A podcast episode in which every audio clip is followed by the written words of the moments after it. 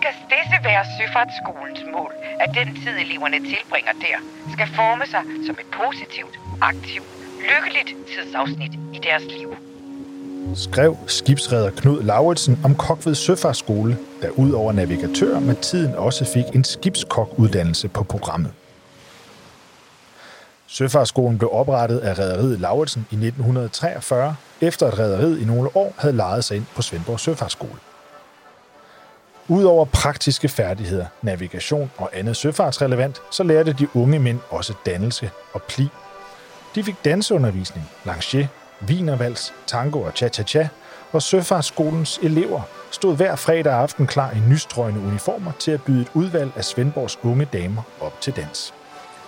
Dansepigerne blev de unge damer kaldt, og enkelte af parerne fra dengang valgte faktisk at danse videre sammen for livet.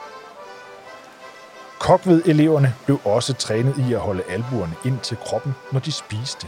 De fik simpelthen stukket en sangbog ind under hver arm og forbud mod at tabe den på gulvet. Gjorde man det, ja, så ventede opvasken. Skolen havde som mål at både danne og uddanne det hele menneske. Man sagde, at En sømand fra Kokved kan alt. Undtagen at føde børn. Men det kan en lære. En af skolens mest berømte elever valgte dog en helt anden vej i livet.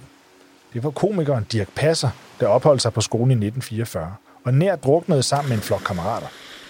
Det skete under en øvelsessalas ved Turø, hvor en storm drev jollen op i Storbælt.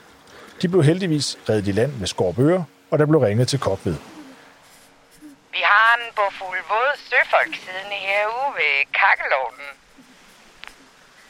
Efter et halvt år som Kokveds morsomste elev, droppede Dirk drømmen om at blive sømand for at gå teatervejen og blive hele Danmarks sjoveste mand.